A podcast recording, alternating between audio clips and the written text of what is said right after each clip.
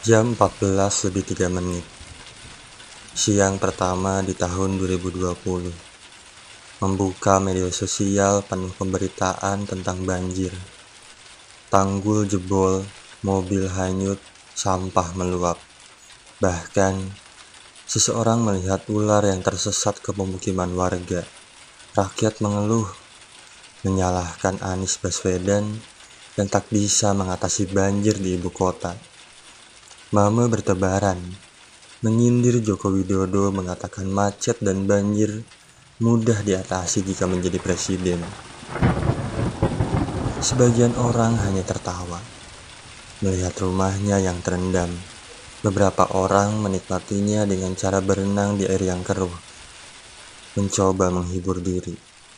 Dan lebih banyak orang yang mencaci maki gubernur karena sampah yang mereka buang kembali ke halaman rumahnya.